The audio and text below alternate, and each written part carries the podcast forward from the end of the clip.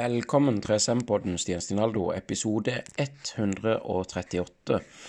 Og eh, i eh, forrige episode så starta jeg på Homo Deus, en kort historie om i morgen, skrevet av Juval Noah Harari. Og menneskehetens nye agenda.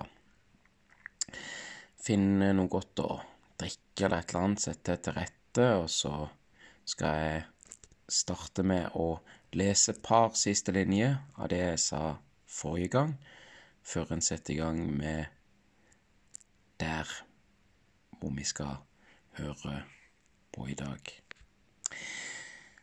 Så velkommen. Hjertelig velkommen. Hjertelig, hjertelig velkommen.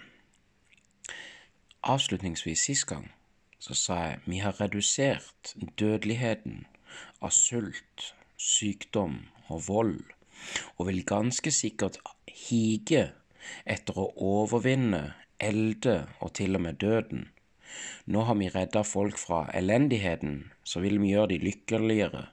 Og når menneskeheten er løfta opp fra den brutale kampen for å overleve, vil vi strebe etter å oppgradere menneskene til guder og gjøre Homo sapiens om til Homo dus. Dødens siste dag. I det 21. århundre så vil menneskene ganske sikkert gjøre sitt ytterste for å oppnå udødelighet. Kampen mot alderdom og død kommer til å ta over for den langvarige kampen mot sult og sykdom, og manifestere det vi setter aller mest pris på i vår moderne verden, menneskelivet vi får stadig påminnelse om at menneskelivet er det helligste i hele universet. Alle sier det. Lærerne på skolen, politikerne på Stortinget, advokatene i retten og skuespillerne på teaterscenen. Menneskerettighetserklæringen som ble vedtatt av FN etter den andre verdenskrigen, antagelig det nærmeste vi kommer en global grunnlov, fastslår kategorisk kategorisk at retten til liv er menneskehetens mest grunnleggende verdi. Det er åpenbart at døden krenker denne rettigheten. Derfor er døden en forbrytelse mot menneskeheten, og vi bør gå til full krig mot den. Verken religioner eller ideologier har helliggjort livet i seg sjøl.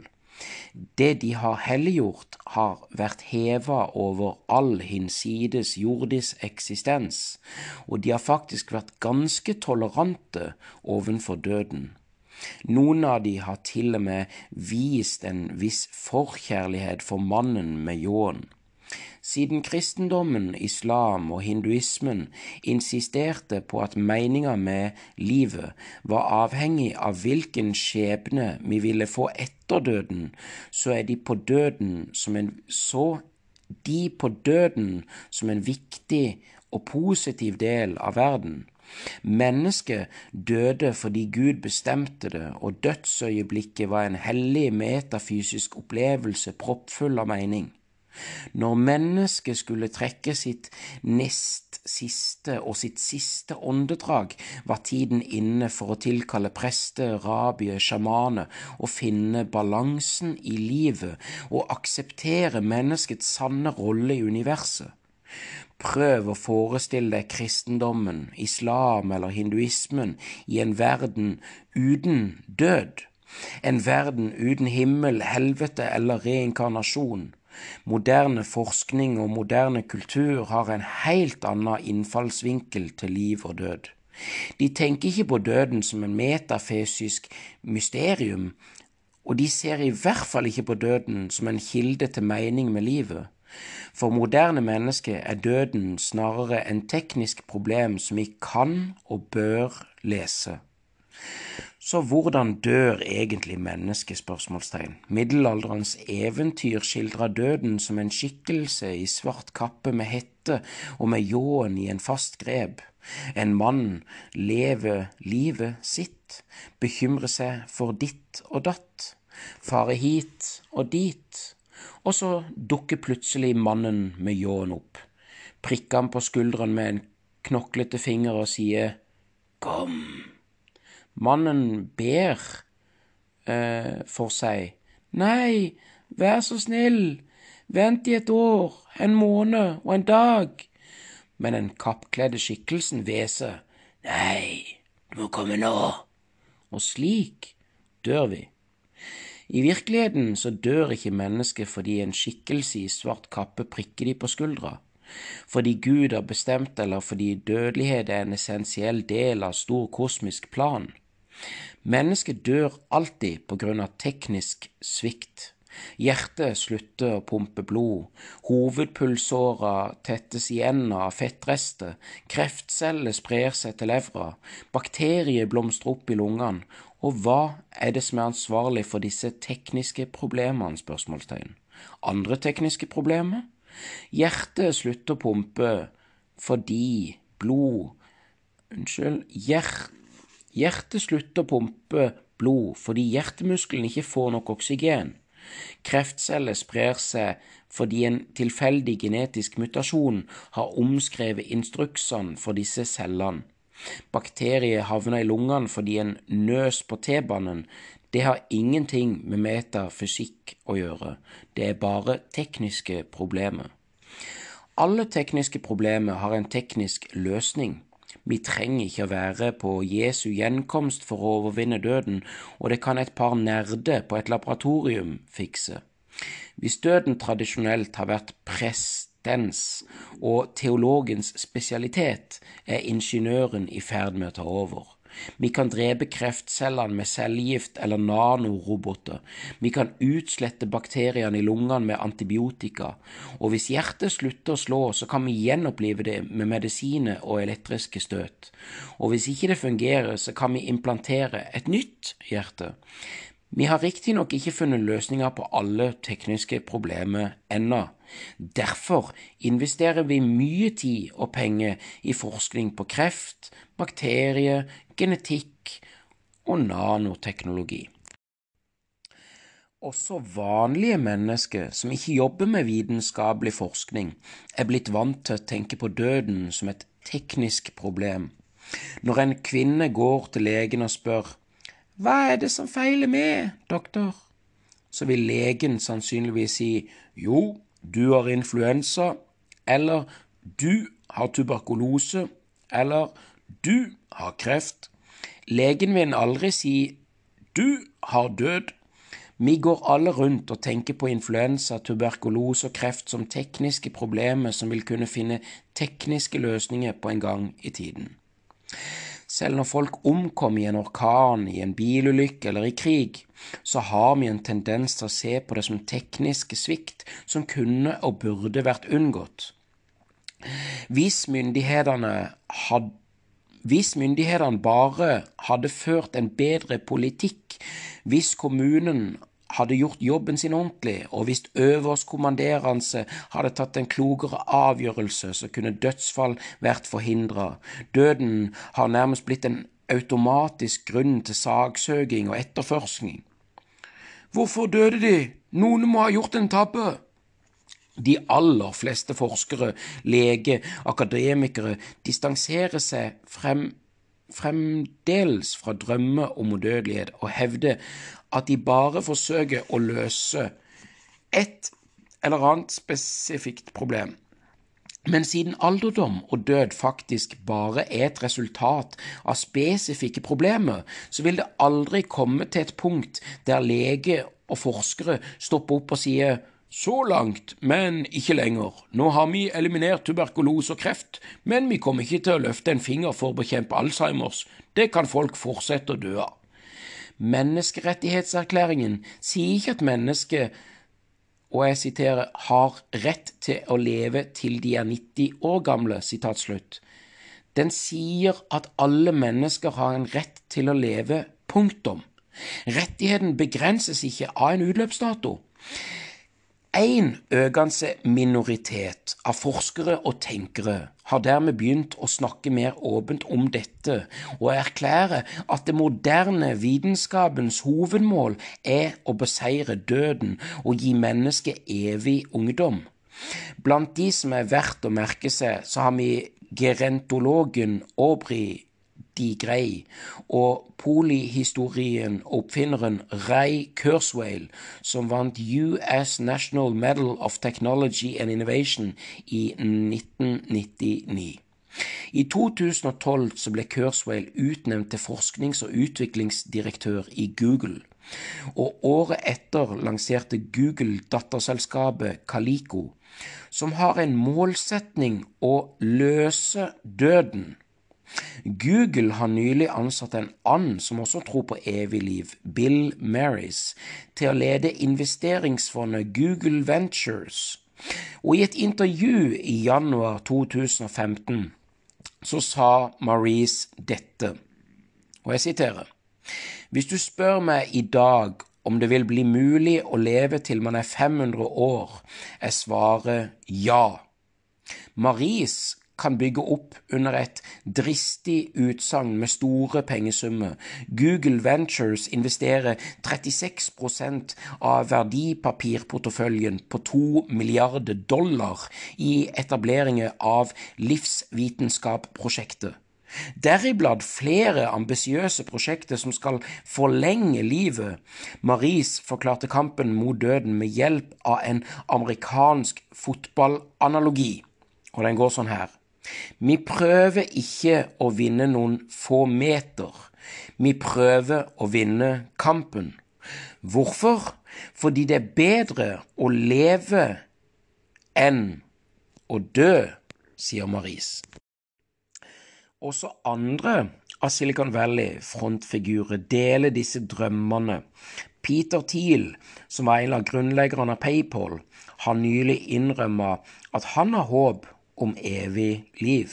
Og jeg siterer Etter min mening er det tre viktige tilnærmingsmetoder til døden, sa han. Man kan akseptere den, benekte den eller bekjempe den. De aller fleste i samfunnet benekter eller aksepterer den. Jeg vil heller kjempe den.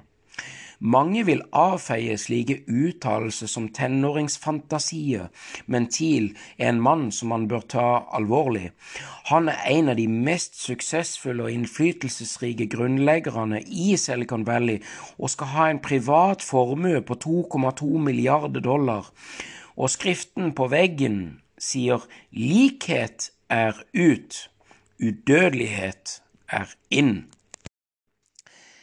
Den halsbrekkende utviklingen på felt som genteknologi, regenerativ medisin og nanoteknologi fostrer enda mer optimistiske spådommer. Noen eksperter tror at menneskene vil overvinne døden innen året 2200.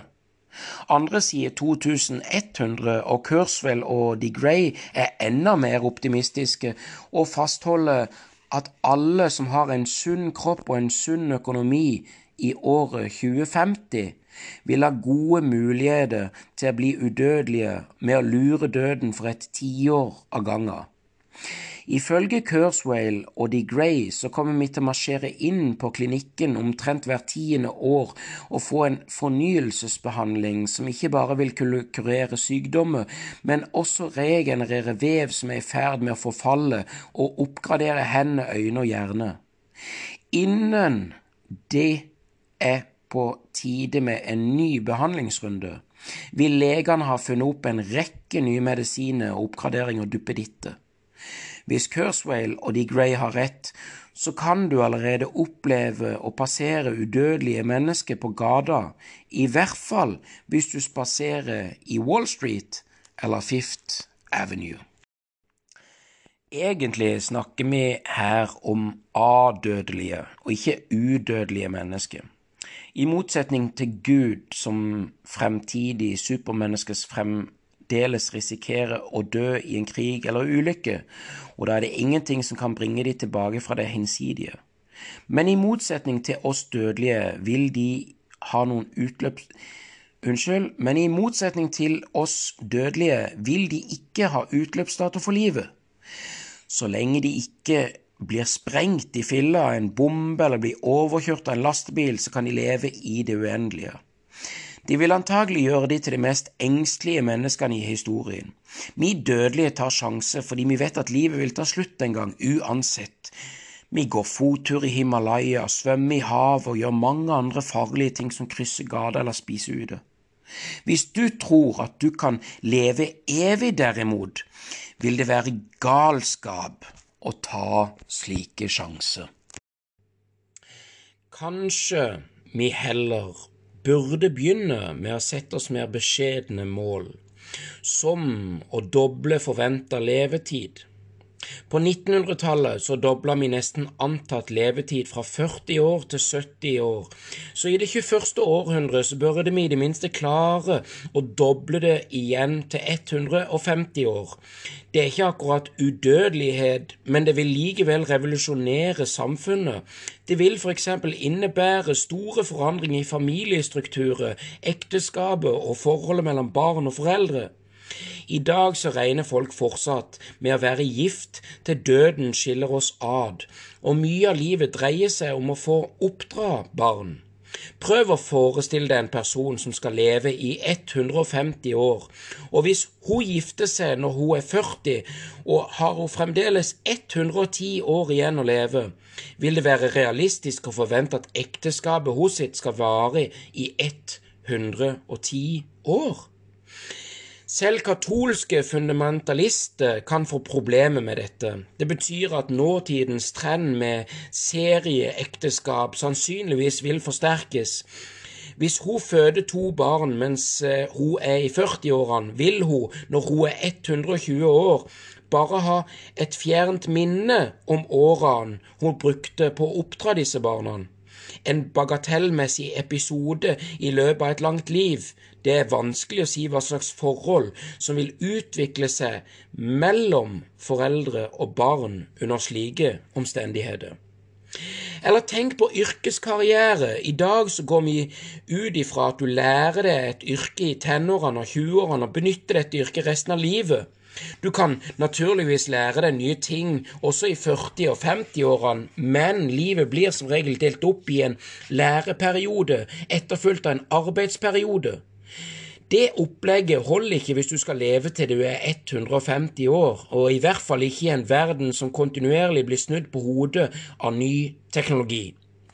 Folk vil mye lengre yrkes, folk vil få mye lengre yrkesliv og vil bli nødt til å fornye seg om igjen og om igjen, også når de er i 90-årene.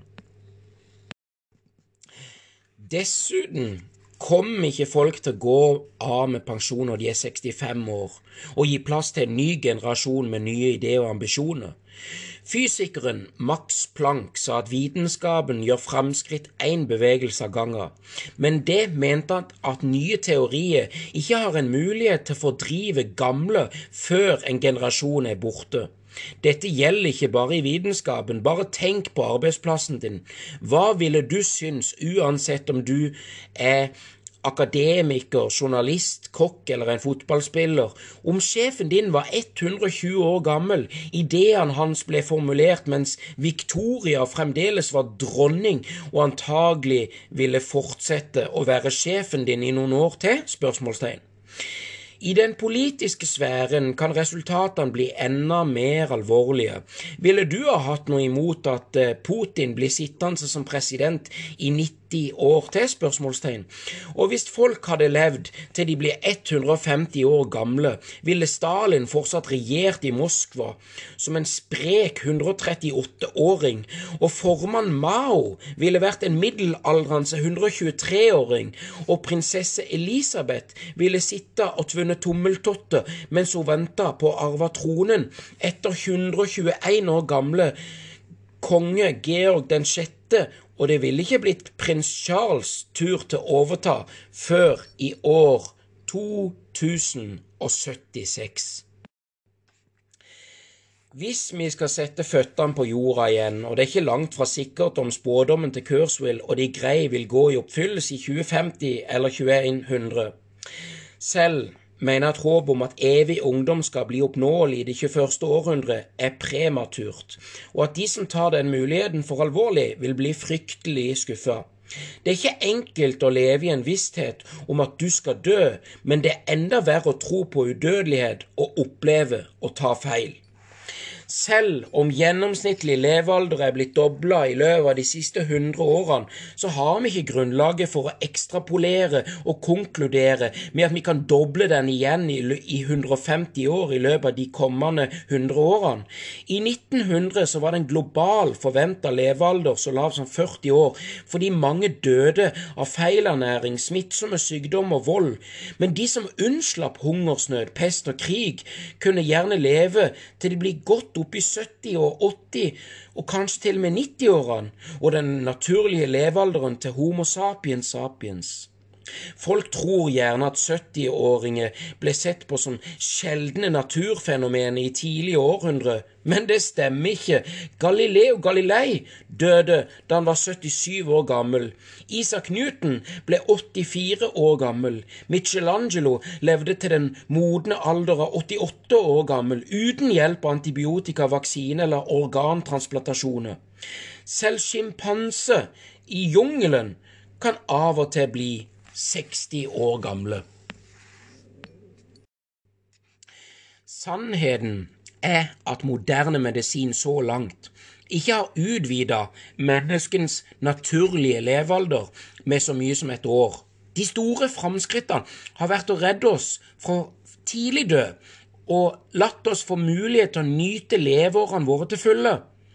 Selv om vi skulle kunne klare å overvinne kreft, diabetes og de andre utbredte dødsårsakene, så vil det ikke bety mye annet enn at nesten alle vil få leve til de er 90 år gamle. Det vil ikke være nok til at vi kan bli 150 eller 500 år. Hvis det skal skje, må medisinen omarrangere menneskekroppens mest grunnleggende strukturer og prosesser, og finne ut hvordan den skal regenerere organet og vev. Og det er ikke så langt Det er ikke på langt nær sikkert at vi kan klare det før 2100.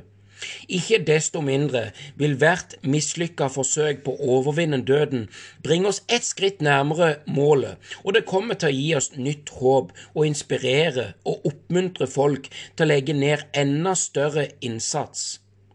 Googles Calico kommer neppe til å løse døden i tiden og gjøre Googles grunnleggere Sergey Brin og Larry Page udødelig, men vil sannsynligvis gjøre viktige oppdagelser med hensyn til cellebiologi, genetiske medisiner og menneskehelse. Neste generasjon googlere kan derfor innlede angrepet på døden fra nye og bedre innfallsvinkler. Forskere som roper opp om udødelighet, og som gutten som ropte ulv, ulv, før eller seinere, kommer faktisk ulven. Om vi ikke oppnår udødelighet i vår levetid, så vil følgelig krigen mot døden høyst sannsynlig fortsette å være menneskehetens hovedprosjekt i neste århundre. Når du legger sammen troen på at menneskelivet er hellig, dynamikken i forskningens verden og behovene i de kapitalistiske økonomiene, så virker en nådeløs kamp mot døden uunngåelig. Vår ideologiske forpliktelse overfor menneskelivet vil aldri tillate oss å akseptere at mennesket dør. Vi kommer til å strebe etter å overvinne døden så lenge folk dør av noe. Forskersamfunnet og den kapitalistiske økonomien vil bli mer enn gjerne bidra i den kampen. De fleste forskere og bankfolk gir blaffen i hva de jobber med, bare de gir de en mulighet til å gjøre opp nye oppdagelser og tjene mer penger. Er det noen som kan forestille seg en mer spennende vitenskapelig utfordring enn å overliste døden, eller et mer lovende marked enn markedet for evig ungdom? spørsmålstegn. Hvis du er over 40, så kan du lukke øynene en stund og prøve å huske kroppen du hadde som 25-åring. Ikke bare hvordan den så ut, men først og fremst hvordan den kjentes. Hvor mye ville du vært villig til å betale hvis du fikk muligheten til å få den tilbake? Spørsmålstegn. Noen ville utvilsomt gi denne muligheten, men det er mange som ville betale det den kosta. Markedet er ufattelig stort.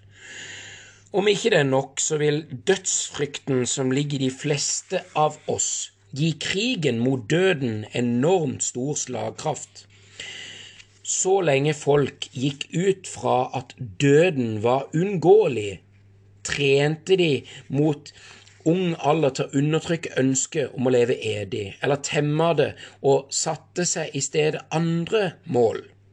Folk vil leve evig, og derfor komponerer de en udødelighetssymfoni. De higer etter å oppnå evig heder og ære i en krig, eller ofre livet for at sjela skal leve i evig velsignelse i paradis. En stor del av våre kunstneriske kreativiteter, vårt politiske engasjement og våre religiøse pietisme drives av frykten for døden. Woody Allen, som har skapt seg en eh, fantastisk karriere basert på frykten for døden, ble en gang spurt om han håper å leve evig gjennom filmlerretet. Allen svarte at han heller vil fortsette å bo hjemme i leiligheten sin. Og jeg siterer Jeg vil ikke oppnå udødelighet gjennom arbeidet mitt. Det jeg vil gjøre ved å ikke dø, det vil jeg gjøre ved å ikke dø, la han til. Evigheter og ære, nasjonalistiske minneseremonier og drømme om paradis er dårlige substitutter. For det mennesket som Ellen, som egentlig ønsker seg å slippe å dø. Når folk begynner å tro, parentes, uansett om de har en grunn til å tro eller ikke, parentes slutt, at de har gode sjanser til å unnslippe døden, så vil lengselen etter å få leve nikte og nøye seg med å finne utløp i kunst, ideologi eller religion, den vil feie fram som et snøskred. Hvis du tenker på religiøse fanatikere med brennende blikk og langt skjegg med, som nådeløse, så skal du bare vente og se hva eldre forretningsmoguler og aldrende Hollywood-stjerner vil gjøre når de tror at livsliksiren er innen rekkevidde. Hvis og når vitenskapen gjør betydelige framskritt og krigen mot døden, vil det virkelige slaget flyttes fra laboratoriene til parlamentene, tinghusene og gatene. Når den forskningsmessige innsatsen krones med suksess, vil den utløse bitre politiske konflikter. Alle kriger og konflikter vi har sett så langt i historien, kan vise seg å ha vært et tamt forspill til den store kampen som ligger foran oss, kampen for evig ungdom. Retten til lykke. Det andre store prosjektet for menneskets agenda vil antagelig være å finne nøkkelen til lykke. Gjennom hele historien har utallige tenkere, profeter og vanlige mennesker definert lykke og ikke livet i seg sjøl som det største gode vi kan få. I antikkens Hellas så forklarte filosofen Epikur at tilbedelse av guder var bortkasta tid, for det fantes ingen eksistens etter døden, og at meninga med livet er lykke. De fleste på Epikurs tid avviste epikurismen, men i dag er det blitt et vanlig syn på livet. Skepsis mot et liv etter døden driver menneskeheten til å søke både udødelighet og lykke her på jorda. Men hvem vil vel leve evig i evinnelig elendighet? spørsmålstegn. For Epikur var søken etter lykke personlig. Moderne tenkere derimot ser ofte på det som et kollektivt prosjekt. Enkeltpersoner kommer ikke langt i sin søken etter lykke uten offentlige planer, økonomiske ressurser og vitenskapelige forskninger. Hvis landet ditt herjes av krig, økonomien er i krise og ikke det finnes helsetjeneste, så får du neppe det særlig bra. Mot slutten av 1700-tallet erklærte den britiske filosofen Jeremy Bentham at de aller største gode i verden er størst mulig lykke for flest mulig, og konkluderte med at statens, markedets og vitenskapens energiverdige mål er å øke den globale lykken. Politikere bør skape fred, og forretningsfolk bør fremme velstand, og forskere bør studere naturen, ikke til ære for kongen, fedredalen eller Gud, men for at du og jeg skal få et lykkeligere liv. På 1800- og 1900-tallet var det mange som ga inntrykk av å dele Benthams visjoner, men myndighetene, bedriftene og laboratoriene konsentrerte seg først og fremst om mer umiddelbare, veldefinerte mål. Land, må, eh, land målte suksess i territoriell utrekning. Unnskyld. Land målte suksess i territoriell utstrekning, befolkningsøkning og vekst i BNP, bruttonasjonalprodukt, ikke innbyggernes lykke. Og industriland som Tyskland, Frankrike og Japan etablerte omfattende systemer for utdanning, helse og velferd. Men målet med disse systemene var å styrke nasjonen, ikke å sikre individuelle velvære. Skole ble grunnlagt for å produsere dyktige, lydige borgere som skulle tjene nasjonen lo lojalt. 18-åringer skulle ikke bare være patrioter, men også ha utdanning, slik at de kunne lese brigadegeneralens ordre for dagen og tegne en skisse over morgendagens lagplaner. De måtte kunne matematikk for å beregne granatens bane eller løse fiendens hemmelige kode. De må måtte ha en oversikt over elektrisitet, mekanikk og medisin for å kunne håndtere radiosendere, kjøre stridsvogner og ta seg av sårende våpenbrødre.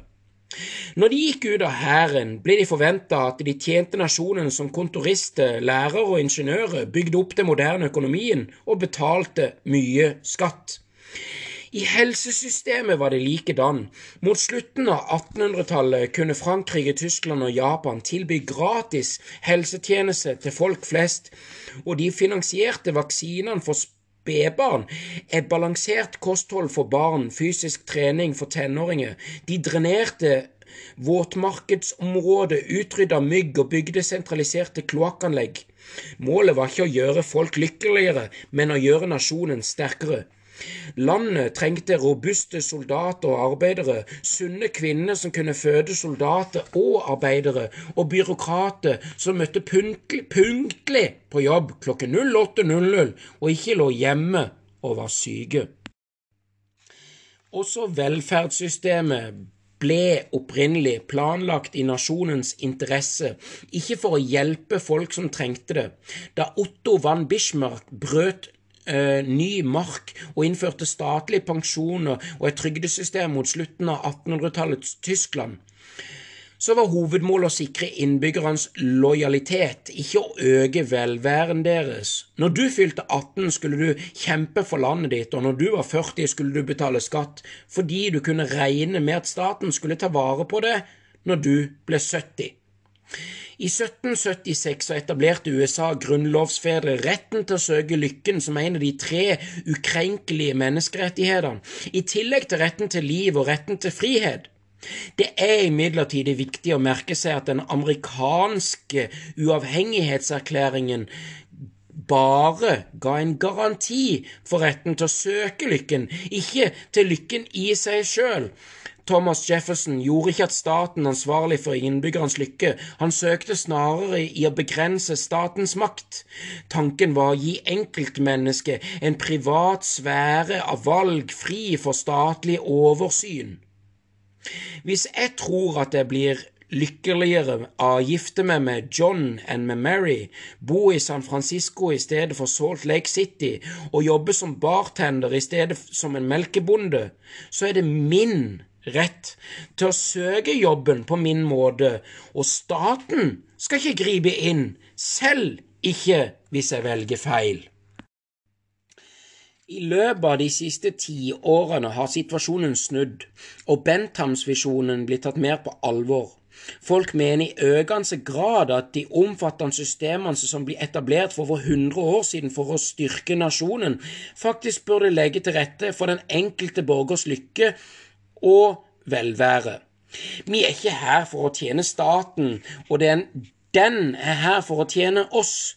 Retten til å søke lykken, opprinnelig ment som en begrensning av statlig makt, har umerkelig blitt forvandla til retten til lykke.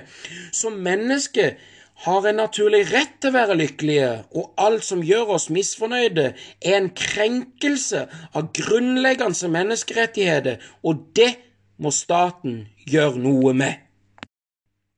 På 1900-tallet kan bruttonasjonalprodukt, altså BNP, per innbygger sies å være det overordnede målet for å evaluere nasjonal suksess.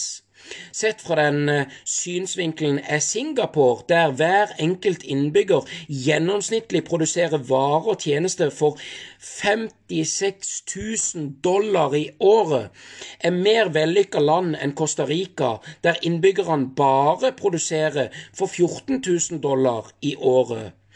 Men dagens tenkere, politikere og til og med økonomer mener at vi bør sluppe supplere, eller kanskje til og med erstatte, BNP med BNL, bruttonasjonallykke. Vi bør tross alt tenke på hva folk ønsker. De ønsker og de ønsker ikke å produsere. De ønsker å være lykkelige. Produksjonen er viktig fordi den danner den materielle grunnlaget for lykke, men det er bare et middel og ikke målet i seg sjøl. Costaricanere har i den undersøkelsen etter den andre rapportert om at langt høyere tilfredshet med livet enn de gjør i Singapore. Ville du foretrekke å være en meget produktiv, men misfornøyd singaporer, eller en mindre produktiv, men fornøyd costacarianer? Denne formen for logikk kan få menneskeheten til å gjøre lykke til nest viktigste mål for det 21. århundre. Med første øyekast så kan det virke som et relativt enkelt prosjekt. Jeg mener hvis hungersnød, pest og krig forsvinner, menneskeheten får oppleve fred og velstanden verden aldri før har sett, og den forventa levealderen øker dramatisk, så vil vel menneskelig bli lykkelige, ikke sant? Spørsmålstegn? Feil. Da Epikur definerte lykke som det høyeste gode, så advarte han disiplene sine om at det er hardt arbeid å bli lykkelig. Materielle gode er ikke nok i seg sjøl, ikke over tid. Blind jakt på penger, berømmelse og nytelse gjør oss tvert imot ulykkelige, og Epikur anbefalte for eksempel folk å spise og drikke med måte og tøyle den seksuelle appetitten sin. I det lange løp så vil vi bli mer fornøyde med et godt vennskap enn en hektisk orgi. For å løse folk gjennom Unnskyld, for å lose folk gjennom den forræderske veien til lykke utvikla Epikur en hel etikk med regler for hva man bør og ikke bør gjøre. Epikur var åpenbart inne på noe. Det er ikke enkel sak å bli lykkelig, og til tross for alt vi har opplevd i løpet av de siste tiårene, og det er slett ikke innlysende at menneskene i vår moderne tid er betydelig mer fornøyde med forfedrene deres var. Det er, ikke, det er faktisk et illevarslende tegn at selvmordstallene i den industrialiserte verden, til tross for større velstand, komfort og trygghet, er mye høyere enn de tradisjonelle samfunn. I utviklingsland med utbredt fattigdom og manglende politisk stabilitet er selvmordstallene lave. Ifølge statistikk fra Verdens helseorganisasjon fra året 2012 er det i Peru 3,1, i Guatemala 7,3, på Filippinene 2,6 og i Albania 6,5 selvmord årlig per 100 000 innbyggere. I rike og fredelige land er tallene langt høyere. Sveits 12,2, Frankrike 15,8, Japan 23,1, New Zealand 10,3 årlige selvmord per 100 000 innbyggere. I året 1985 var de fleste sørkoreanere fattige, utdannet tradisjonsbudne, og landet var et autoritært diktatur. I dag har Sør-Korea god økonomi, og innbyggerne er blant de best utdanna, og landet har et stabilt og relativt liberalt demokratisk regime. Men mens det i 1985 var omtrent 9 av 100 000 sørkoreanere som tok sitt eget liv, så var antallet selvmord i 2012 på 36,8 per 100 000 innbyggere. Selvsagt kan vi også finne motsatte og langt mer oppmuntrende trender. Den drastiske reduksjonen i barnedødelighet har selvsagt gjort menneskelige lykkeligere og delvis kompensert for stresset med å leve i vår moderne verden. Men selv om vi er blitt lykkeligere enn forfedrene våre, er økningen i velvære mye lavere enn vi kunne forvente. I steinalderen så hadde en gjennomsnittsmenneske rundt regna 4000 kalorier til disposisjon per dag. Det inkluderte ikke bare mat, men også energien som måtte investeres i å lage redskaper, klær, kunst og bål. I dag så bruker en gjennomsnittlig amerikaner 228 000 kalorier per dag. Ikke bare i form av mat, men også til bilen, datamaskinen, kjøleskapet og TV-en. Det betyr at den gjennomsnittlige amerikaner bruker 60 ganger mer energi enn en gjennomsnittlig jeger og sanker gjorde i steinalderen. Og er den gjennomsnittlige amerikaneren 60 ganger lykkeligere? spørsmålstegn. Det er grunn til en viss skepsis ovenfor et så rosenrødt syn på verden. Selv om vi har overvunnet mange av tidligere tiders problemer, kan det være mye vanskeligere å oppnå ren lykke enn å eliminere lidelse. En sultanse jordarbeider i middelalderen trengte ikke mer enn en brødstykke for å bli lykkelig, så hvordan skal du gjøre en livslei, overbetalt, overvektig ingeniør lykkelig? spørsmålstegn. Andre del av 1900-tallet var det rene gulldaleren for USA, og seieren i andre verdenskrig ble etterfulgt av enda mer avgjørende seire i den kalde krigen, og landet ble verdens største supermakt. Mellom 1950 og 2000 så steg USAs BNP fra 2 billioner til 12 billioner dollar. Realinntekten per innbygger ble dobla, og den nyoppfunna p-piller som gjorde sex friere enn noen gang. Kvinner, homofile, afroamerikanere og andre minoriteter fikk endelig en større del av den amerikanske kaka. En strøm av billige biler, kjøleskap, airconditionanlegg, støvsugere, oppvaskmaskiner, vaskemaskiner, telefoner, TV og datamaskiner endra dagliglivet til det nærmest ugjenkjennelige.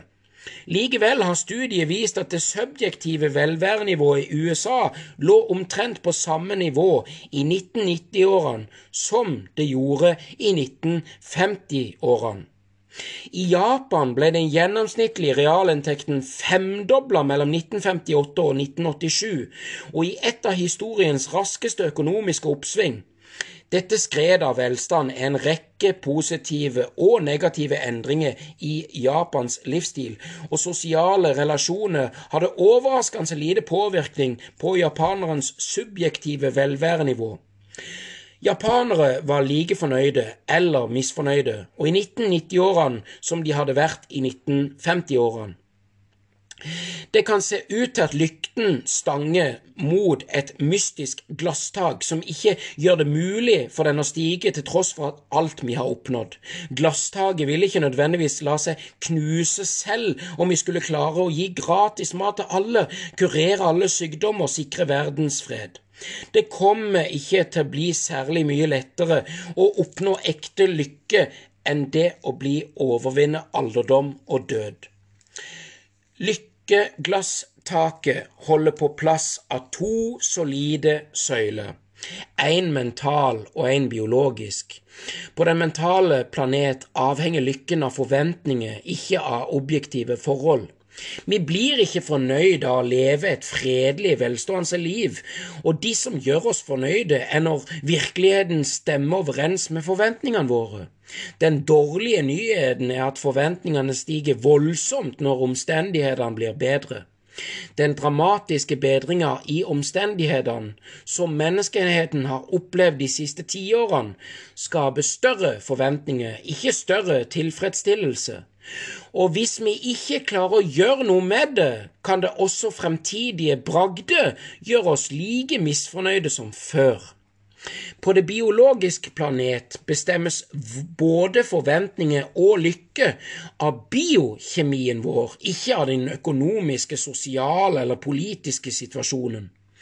Ifølge Epikur er vi lykkelige når vi opplever behagelige følelser og ikke plages av ubehagelige. Også Jeremy Bentham hevder at naturen ga to mektige krefter herredømme over menneskene, nytelse og smerte. Og det er kun disse to kreftene som avgjør alt vi gjør, sier og tenker. Benthams etterfølger John Stuart Mill forklarte at lykke bare er en nytelse og frihet fra smerte, og at ikke det finnes noe godt eller ondt hinsides nytelse og smerte. Alle som forsøker å utlede godt og ondt av noe annet, parentes som Guds ord eller nasjonale interesse, parentes slutt, lurer det, og kanskje også seg selv.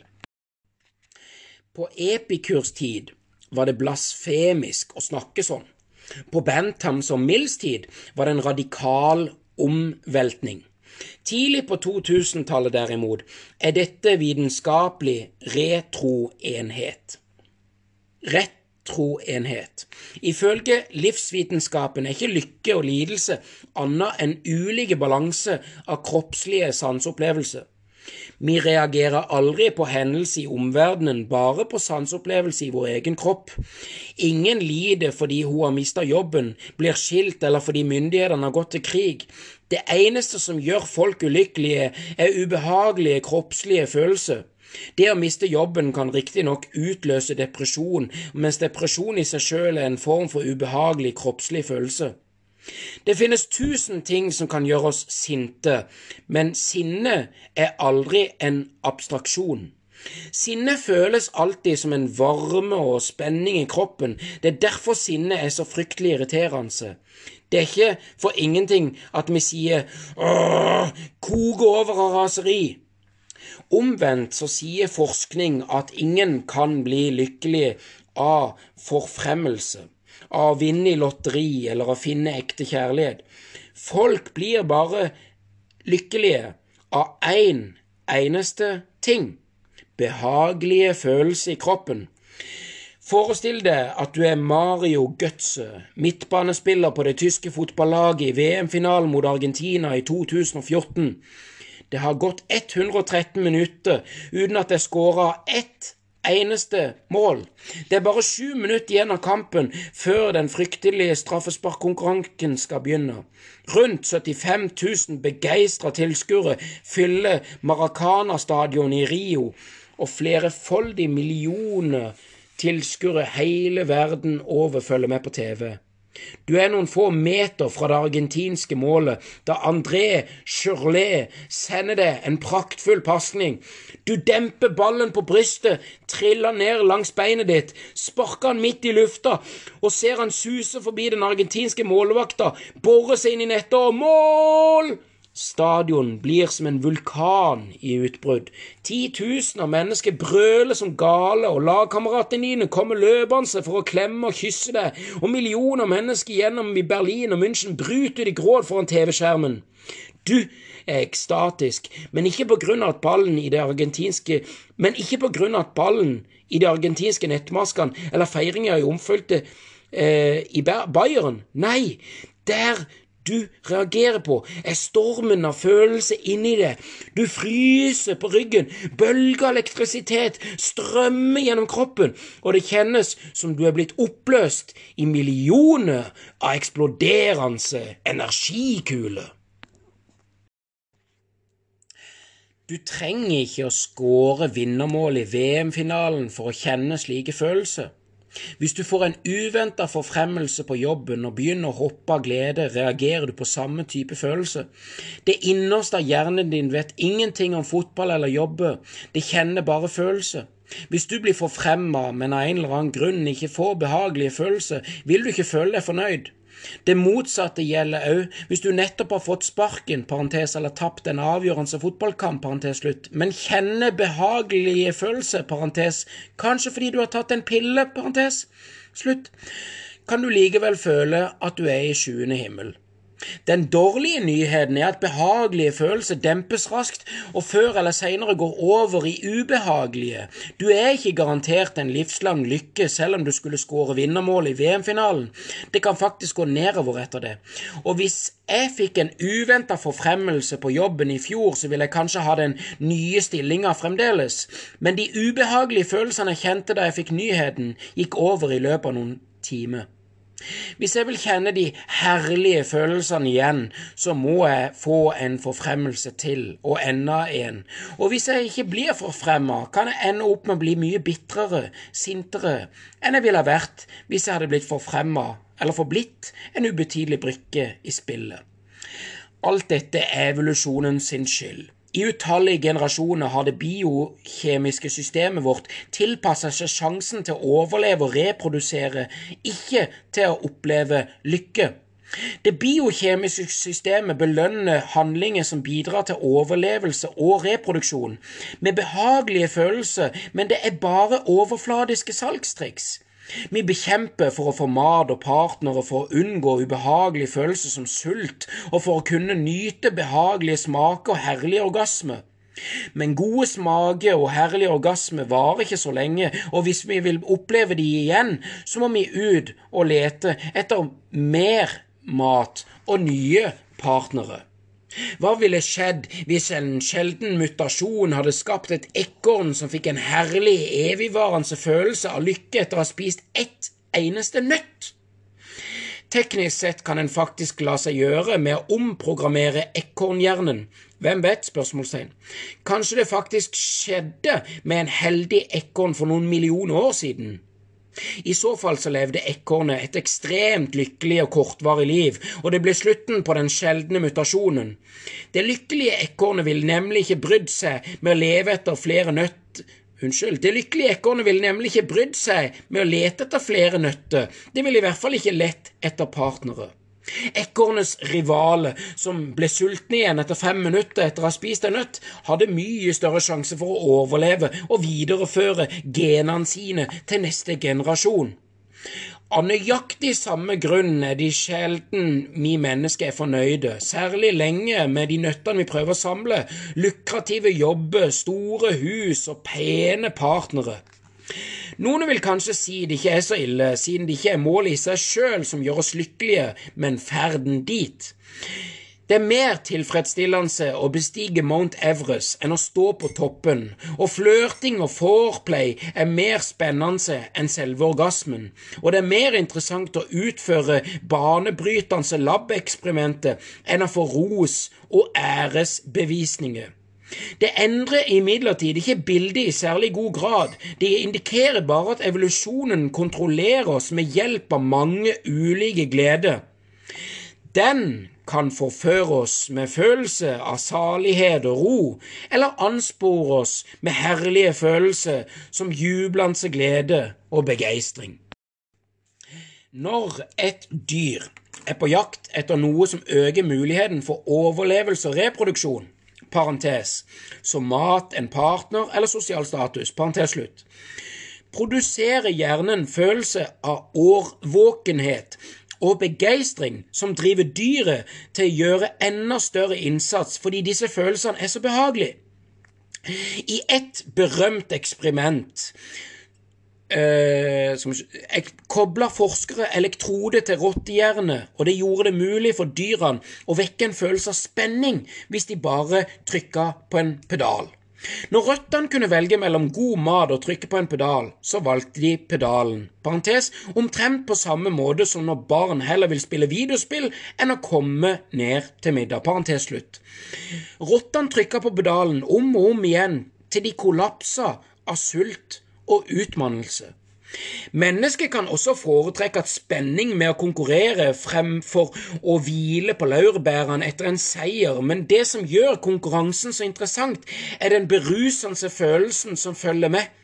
Ingen ville hatt lyst til å bestige fjell, spille videospill eller gå på stevnemøte med ukjente mennesker hvis disse aktivitetene kun medførte ubehagelige følelser som stress og fortvilelse eller kjedsommelighet. De oppildnende følelsene som kommer under en konkurranse, er like flyktige som de herlige seiersfølelsene. En Don Juan som nyter spenninga med tilfeldig sex, en forretningsmann som nyter å bite negler mens han følger med på Don Jones-indeksens stigning og fall, og en spiller som nyter å drepe monstre i dataskjermen, finner ikke tilfredsstillelse i å minnes gårsdagens eventyr. I likhet med rotter som trykker på pedalen om og om igjen, så trenger Don Juan, forretningsmagnater og dataspillere et nytt kick hver dag. Det dumme er at forventningene tilpasses forholdene også her, og gårsdagens utfordringer blir altfor fort dagens kjedsommeligheter. Nøkkelen til lykke ligger kanskje i verken konkurransen eller gullmedaljen, men i kombinere riktige dose spenning og ro. Dessverre så har de fleste av oss en tendens til å ta spranget hele veien fra stress til kjedsommelighet og tilbake, og dermed blir vi like misfornøyde med den ene som med den andre. Og hvis forskning har rett, og lykke bestemmes av menneskelige biokjemi, er det eneste vi kan gjøre for å sikre oss varig tilfredsstillelse, å manipulere dette systemet. Glem økonomisk vekst, sosiale reformer og politiske revolusjoner. Vi må manipulere menneskets biokjemi for å heve det globale lykkenivået. Og det er nettopp det vi har begynt å gjøre de siste ti årene. For 50 år siden var det knytta en stigma til psykiatriske medikamenter. Det stigmaet finnes ikke lenger, og en økende prosentandel av befolkninga bruker jevnlig psykiatriske medikamenter. Ikke bare for å kunne kurere svekkende mentale lidelser, men også for å håndtere mer hverdagslige depresjoner og melankoli. Det er f.eks. økende antall skolebarn som bruker stimulerende midler som Ritalin. I 2011 ble 3,5 millioner amerikanske barn medisinert for ADHD eller ADD, Attention Deficit Hyperactivity Disorder. I Storbritannia steg dette tallet fra 92 000 i 1997 til 786 000 i 2012. Det opprinnelige målet var å behandle konsentrasjonsvansker, men i dag så bruker helt friske barn slike medikamenter for å bedre presentasjonsevnen og leve opp til de stigende forventningene fra lærere og foreldre. Mange protesterer mot denne utviklinga og hevder at problemet ligger i utdanningssystemet og ikke hos barna. Hvis elevene lider under konsentrasjonsvansker, stress og dårlige karakterer, så bør vi kanskje klandre utdaterte undervisningsmetoder, overfylte klasserom og et unaturlig høyt tempo i livet. Kanskje vi burde endre skolene i stedet for å modifisere barna. Det er interessant å se hvordan diskusjonen har utvikla seg. Folk har krangla om utdanningsmetode i flere tusen år. Både i det gamle Kina og i viktoriatidens Storbritannia hadde alle sin egen favorittmetode og protesterte heftig mot alternative metoder. Men inntil nå har vi vært enige om én ting. Vi må endre skolene for å få bedre utdanning, og i dag er det første gang i historien noen som mener at det ville være mer effektivt å endre elevens biokjemi. Det går samme vei med militæret. 12% av de amerikanske soldatene i Irak og 17% av de amerikanske soldatene i Afghanistan brukte enten sovepiller eller antidepressiva for å klare å håndtere krigens press og elendighet. Frykt og depresjon og traume forårsakes ikke av granater, minefeller eller bilbomber. De forårsakes av hormoner, nervrotransmittere og nevrale nettverk. To soldater kan stå skulder til skulder i det samme bakholdsangrepet, og en vil oppleve at han stivner i frykt og mister kontroller, lider i mareritt i flere år etter hendelsen, mens den andre vil gå fryktløst inn i kampen, bli hedra med en medalje. Forskjellen mellom de to soldatene ligger i biokjemien deres, og hvis vi finner metode for å kontrollere den, vil vi både produsere lykkeligere soldater og mer effektive militærstyrker. Den biokjemiske jakten på lykke er også hovedårsaken til at kriminaliteten her i verden I 2009 så satt halvparten av alle innsatte i føderale fengsler i USA fengsla pga. narkotika. 38% av alle eh, 38% av alle italienske fanger ble dømt for narkotikarelaterte lovbrudd, og 55% av alle innsatte i Storbritannia rapporterte de hadde begått forbrytelse i forbindelse med inntak eller salg av narkotiske stoffer. En rapport fra 2001 viste at 62% av alle domfelte i Australia var under påvirkning av narkotika da de begikk forbrytelsen de ble fengsla for. Folk drikker alkohol for å glemme, røyker marihuana for å slappe av, tar kokain og metamfetamin for å bli konsentrerte og selvsikre, mens ecstasy gir ekstasefølelser, og LSD sender de på besøk til Lucy in the sky with diamonds. Det noen håper å oppnå med å studere, jobbe eller stifte familie, prøve å oppnå, prøve andre å oppnå på enklere måter med hjelp av en riktig dose molekyler. Dette en essensiell trussel mot vår sosiale og økonomiske orden. Det er derfor land går inn i den innbitte, blodige og håpløse krigen mot biokjemiske kriminalitet. Staten håper å kunne regulere den biokjemiske jakten på lykke med å skille dårlige og gode manipulasjoner. Prinsippet er krystallklart. Biokjemiske manipulasjoner som styrker politisk stabilitet, sosial orden og økonomisk vekst, er tillatt og blir til og med oppmuntra. Parentes, som den som roer ned hyperaktive barn på skolen og driver fryktsomme soldater ut i kamp. Parentes slutt.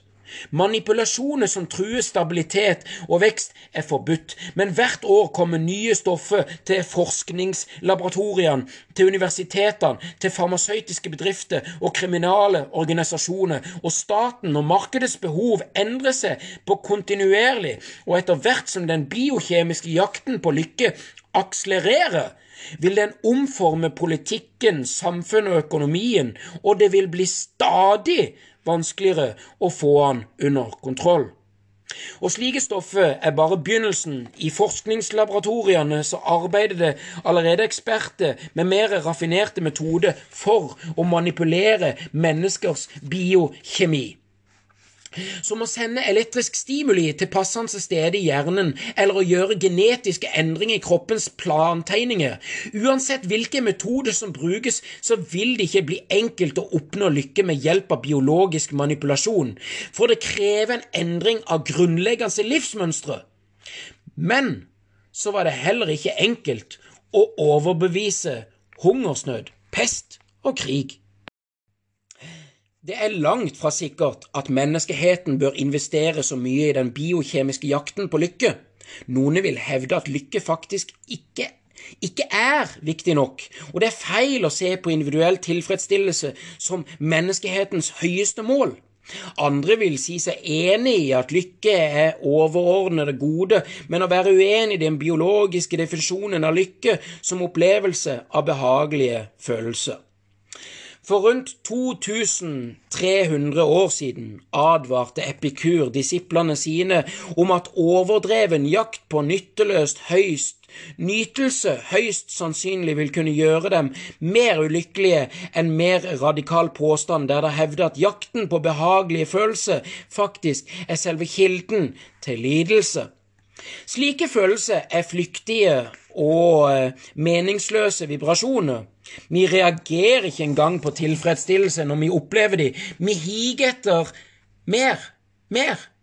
Uansett hvor mange lykkelsalsi eller oppildende følelser jeg opplever, kommer de aldri til å tilfredsstille meg. Til, aldri til å tilfredsstille meg. Hvis jeg identifiserer lykke med flyktige, behagelige opplevelser, og hvis jeg higer etter stadig flere, har jeg ikke noe annet valg enn å jakte på de, hele tida, og når de endelig er det, forsvinner de fort, og siden minnene om tidligere glede vil være nok for meg, blir jeg nødt til å begynne helt på nytt igjen. Selv om jeg fortsetter denne jakten i flere tider, vil han aldri gi meg varig tilfredsstillelse. Snarere tvert imot. Jo mer jeg higer etter disse behagelige, behagelige følelsene, desto mer stress og misfornøyd vil jeg bli. Hvis mennesket skal oppnå ekte lykke, må de roe ned jakta på behagelse i følelse, ikke akseptere den. Det buddhistiske synet på lykke har mye til felles for det biokjemiske. Begge sier at behagelige følelser forsvinner like fort som de kommer, og at folk vil fortsette å være misfornøyde så lenge de higer etter behagelige følelser uten egentlig å oppleve de. Problemet har imidlertid de to svært forskjellige løsninger. Den biokjemiske løsninga er å utvikle produkter og behandlingsmetoder som vil gi menneskene en endeløs strøm av behagelige følelser, slik at vi slipper å leve uten. Buddhas forslag var å redusere lengselen etter behagelig følelse og ikke la de få kontroll over livet, og ifølge Buddha kan vi trene opp hjernen til å observere nøye hvordan følelser stiger opp i oss hele tida og går over, og når hjernen lærer å se følelsene for hva de er, flyktige og meningsløse vibrasjoner, mister vi interessen for å jakte på dem for hva er poenget med å jakte på noe som forsvinner like fort som det dukker opp? spørsmålstegn. For tiden er menneskeheten langt mer interessert i den biokjemiske løsninga, og det spiller ingen rolle hva munkene i hule i Himalaya eller filosofi i Elfenbeinstårn sier, for de ustoppelige kapitalistiske kreftene er lykke ensbetydende med nytelse. Punktum. Vår toleranse for ubehagelige følelser blir mindre for hvert år som går, og vår higen etter behagelige følelser øker. Både vitenskapelig forskning og økonomisk aktivitet er retta mot dette målet, og for hvert år som går, så produseres det bedre smertelindrende midler, nye iskremmarker, mer komfortable madrasser og flere avhengighetsskapende spill til smarttelefonene våre, slik at vi skal ikke risikere å oppleve et eneste kjedelig øyeblikk mens vi venter på bussen. Jeg skal lese det siste her for i dag.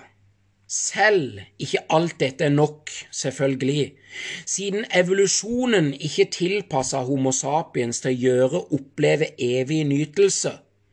Hvis det er menneskehetens hige etter, vil det ikke holde med iskrem og smarttelefon-dataspill. Det vil bli nødvendig å endre biokjemien vår og omorganisere kroppen og sinnet, og det jobber vi med. Du kan diskutere om det er bra eller dårlig, men det kan se ut til at det nest største prosjektet for det 21. århundre for å sikre global lykke vil, vil gå ut på å omstrukturere Homo sapiens så vi kan oppleve evig nytelse. Folk kan hate, så kan jeg elske. Jeg elsker det. Instagrammen min ssshow2020. Nettsida mi 3cm.no. Du er elska.